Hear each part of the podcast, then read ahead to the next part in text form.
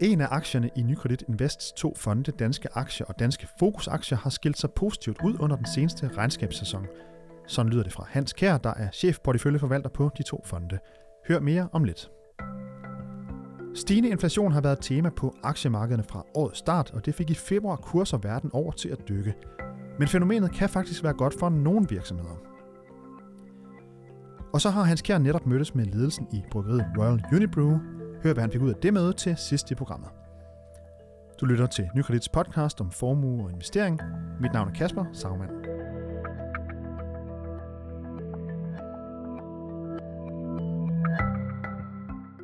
I dag der har vi fokus på danske aktier her i podcasten, for hvad har været nogle af højdepunkterne i den regnskabssæson, der er ved at være slut, hvilke temaer er de mest interessante i øjeblikket for danske aktier, og hvordan har Nykredit Invest arbejdet med området. For at hjælpe os med at svare blandt andet på de spørgsmål, så kan du byde velkommen til dig, Hans Kjær. Tak. Chef porteføljeforvalter for fondene Danske Aktier og Danske Fokusaktier. Hans, vi har lidt forskelligt, vi skal igennem i dag, og øh, lad os starte med regnskabssæsonen, som jeg lige øh, startede med også at nævne, hvor øh, de danske børsnoterede selskaber altså har vist deres tal for, for 2017 for de fleste vedkommende over de seneste uger.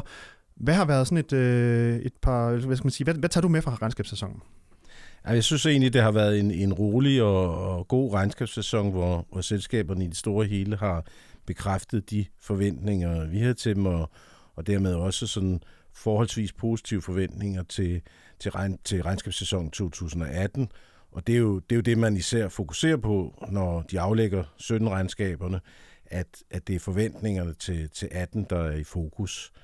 Øh, der har været en, noget usikkerhed om, om nogle af selskaberne, og øh, det har de øh, fleste sådan, hvad skal man sige, fået afkræftet, at, at øh, de skulle være specielt hårdt ramt. Men så noget som den amerikanske dollar, der jo er faldet meget i de, i de seneste par år, det rammer altså nogle selskaber øh, relativt meget. Det er jo sådan, man kan sige, mere en, en oversættelse af deres indtjening. Det er ikke, fordi de i sig selv bliver bliver ramt, men når man oversætter indtjeningen til danske kroner, så kan det godt gøre lidt ondt i en periode med, med en lavere dollar. Og det, det er blandt andet Novo, der bliver ramt? Det er blandt andet et selskab som Novo, Novo Symes og til dels også Carlsberg, som måske ikke sælger i så meget i USA, men sælger meget i, i valutaer, som, som er knyttet til dollaren. Så der har vi haft lidt, lidt negative effekter, men ikke nogen øh, stor dramatik i sig selv. Hvad har været sådan et par, hvis sige, et par højdepunkter for nogle af de selskaber, som har, som har klaret sig godt i regnskabssæsonen, hvis bare lige skal nævne et eller to? At der er ingen tvivl om, at et selskab som Genmap, som jo har, vi har haft en, en stor andel i vores porteføljer, øh, var der meget sp- stor spænding omkring regnskabet, øh, og ikke mindst de her forventninger til 2018. Og det beror på, at, at salgstallene for deres øh, vigtigste produkt, Darzalex, måske havde været lidt, lidt sværere i efteråret, end nogen havde forventet, og man kunne måske frygte, at optaget af det her nye, meget, meget vigtige produkt mod knoglemarvskræfte ikke vil blive helt så stærkt. Og der må man sige, at de øh, forventninger, Genmap fremlagde, og som jo er baseret på det, som deres store samarbejdspartner Johnson Johnson forventer, ja, det var øh, ganske positivt, således at man faktisk forventer, at salget af Darzalex allerede her i 2018 vil overgå 2 milliarder dollar. Vi siger normalt 1 milliarder af en blockbuster, men altså allerede nu her over 2 milliarder dollar. Hvad kalder man det så, hvis det er 2 milliarder? Ja, det har jeg desværre ikke noget navn for, men det, der jo er, er særlig vigtigt, det er at selvfølgelig, at, at, at vi har en, en pæn øh, stødt stigende salg, men jo også, at, at det kun er i, i visse indikationer, altså øh, personer, som er behandlet med andre produkter, som ikke har virket. Det er dem, der modtager deres lektier. Det har endnu ikke den her godkendelse til det, vi kalder første linjebehandling. Og det kommer formentlig senere i år, og det øh, er selvfølgelig også en, en, en meget vigtig indikator for det fremtidige salg. Men altså 2 milliarder kroner på et produkt, som Eller dollar, dollar undskyld, som, som endnu ikke er i fuld øh, udfoldelse, det er, jo, det er jo rigtig, rigtig interessant. Og det har øh, gjort, at aktien har været kommet meget tilbage her efter at have haft et, et øh, svagt andet halvår. Så det har betydet rigtig meget for os, og, og, og vi ser den her case stadigvæk som en, som en meget stærk øh, langsigtet case. Ja, fordi den, den steg jo hele 17,8 procent på, på regnskabsdagen. Ja. Det er jo også øh, ret markant, tror jeg godt, man kan tillade sig at sige. Det er meget markant, og, og der har selvfølgelig også været meget øh, spekulation eller diskussion om, at, at der har været en hel del øh, shorts, altså short selling i den, hvor hvor øh, øh, fonde har spekuleret i, at aktien ville falde på det her regnskab, så, så reaktionen var selvfølgelig måske ekstra stor, men igen, øh, Genmap havde et, et svært andet halvår på, på børsen, og, og har nu vundet en del af det tabte tilbage, men vi ser som sagt stadigvæk et, et godt potentiale videre i 2018 og fremover. Og hvordan det, ligger den begge, både i danske aktier og danske fokusaktier? Det gør den, ja. Det gør den. Så I, så... Øh, I, var, også, øh, I var også med på, på den vogn, da ja, den præcis, steg godt der øh, præcis. for nylig. Et andet regnskab, som vi også lige kan dykke ned i som et af de gode, øh, William Demand, snakkede vi lige om lige inden vi gik på. Øh, hvad var det, du, du gerne vil fremhæve der? Ja, men William Demand er faktisk en aktie, som, som vi har, har købt en del op i sidste år, øh, fordi vi blev meget... Øh, positiv over deres, deres platform, deres nye platform, som nu faktisk efterhånden er nogle år gammel, der hedder OPN, som, som de har været meget positive omkring, at, at, at det både kunne, kunne løfte salget, men faktisk også værdien af, af høreapparater, fordi de, de altså har nogle, nogle features, nogle muligheder med den her produktplatform, som de ikke har haft tidligere. Og øh, øh, det viser sig, at, at, at i 2017, så kom de meget stærkt ud, og de mener fortsat at kunne, kunne vinde markedsandel og, og måske også opnå en, en lidt højere gennemsnitspris, end de har gjort tidligere. Så de fremlagde også nogle øh, rigtig gode forventninger til, til 2018. Og udover øh, hørebræt, så øh, er, har Oticon, eller William Demand som moderselskab hedder, jo også øh, satset meget på at hvad skal vi sige, udvikle helt nye øh, former for afhjælpning af, af høretab, blandt andet ved implantater. Det er et område, som, som endnu ikke er så stort, men altså hvor de bevæger sig godt op ad kurven, og det kan i løbet af nogle år øh, betyde ganske meget, både for, for deres omsætning i høj grad, og også for deres indtjening. Så øh, Otikon og William Demand er i høj grad i gang med at fremtidssikre sig og står øh, strategisk meget stærkt. Det har de altid gjort, men efter vores vurdering står de øh, stærkere end nogensinde. Og det blev så også belønnet i en ganske stor kursstigning på, på regnskabet, som, som, som altså var øh, overraskende godt, kan man sige. Ja, fordi på, på min computer her foran mig, der har jeg en overskrift fra børsen, hvor der står, William D. Mann præsenterer rekordomsætning, ny direktør jubler, og det var altså, fordi de øh, blandt andet vækstede med 10 procent. Øh, omsætningen landede på 13,2 milliarder kroner, og det primære resultat på 2,5 milliarder kroner. Øhm, hvis vi skal vælge et, øh, et selskab, hvor der måske var knap så meget at, at juble over, hvad vil du så fremhæve der? Ja, det, det er lidt svært, fordi øh, jeg, jeg synes egentlig, at, at, at et selskab som, som Vestas øh, jo egentlig var kommet meget godt i, i møde omkring, at de står overfor en, en situation med hård konkurrence.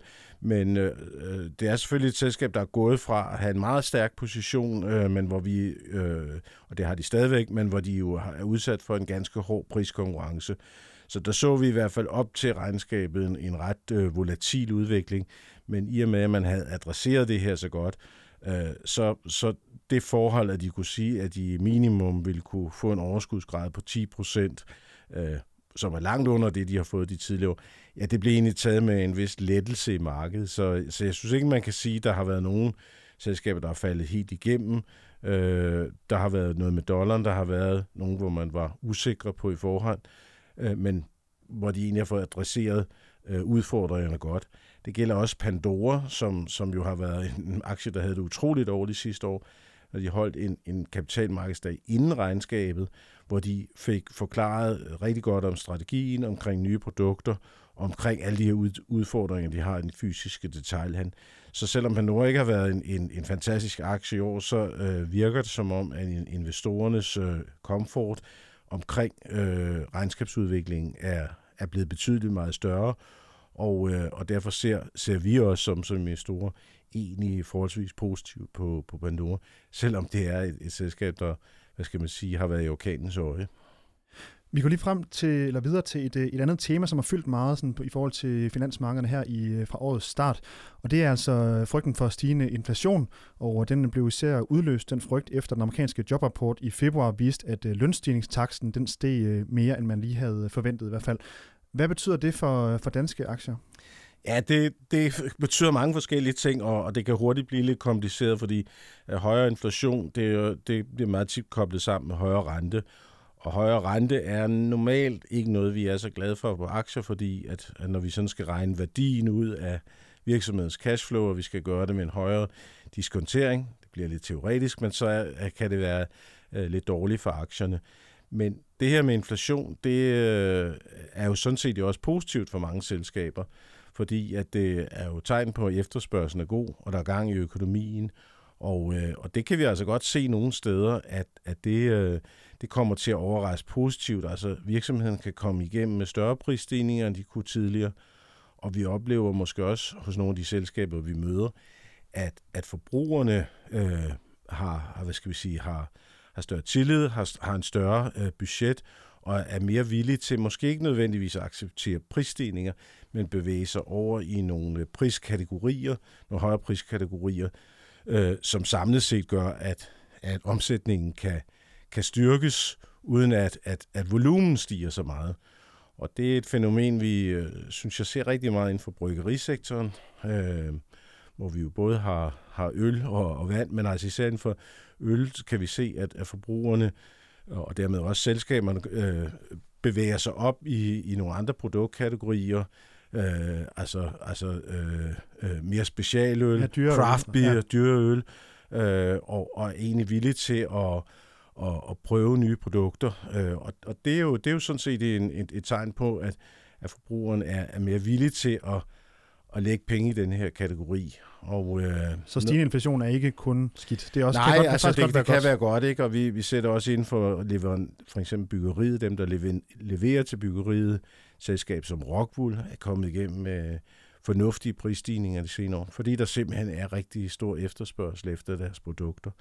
Så, så selskaber, der har en, en, øh, en god pricing power, altså i stand til at, at kunne få forbrugerne til at acceptere prisstigninger eller øh, nye, lidt dyre produkter, ja, de øh, er egentlig i en, en ganske gunstig situation nu.